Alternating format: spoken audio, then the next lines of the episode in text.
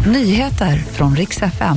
Det ska handla om att våldsvågen i Stockholm fortsätter. I natt så blev en man skjuten i en lägenhet.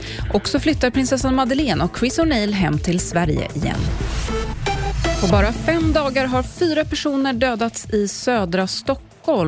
Under natten mot tisdagen så sköts en 30-årig man ihjäl i en lägenhet i Flemingsberg.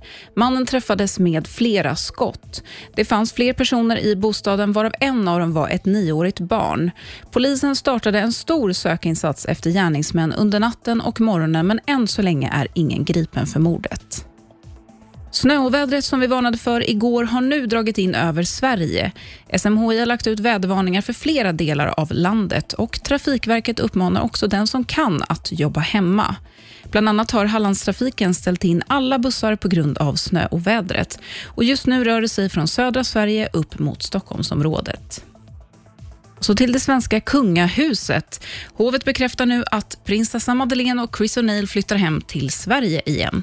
Lyxvillan i Florida ligger nu ute till försäljning för ungefär 80 miljoner svenska kronor. I augusti går flyttlasset och familjen kommer att bosätta sig i Stockholm. Det var nyheterna med mig, Sofie Hodén.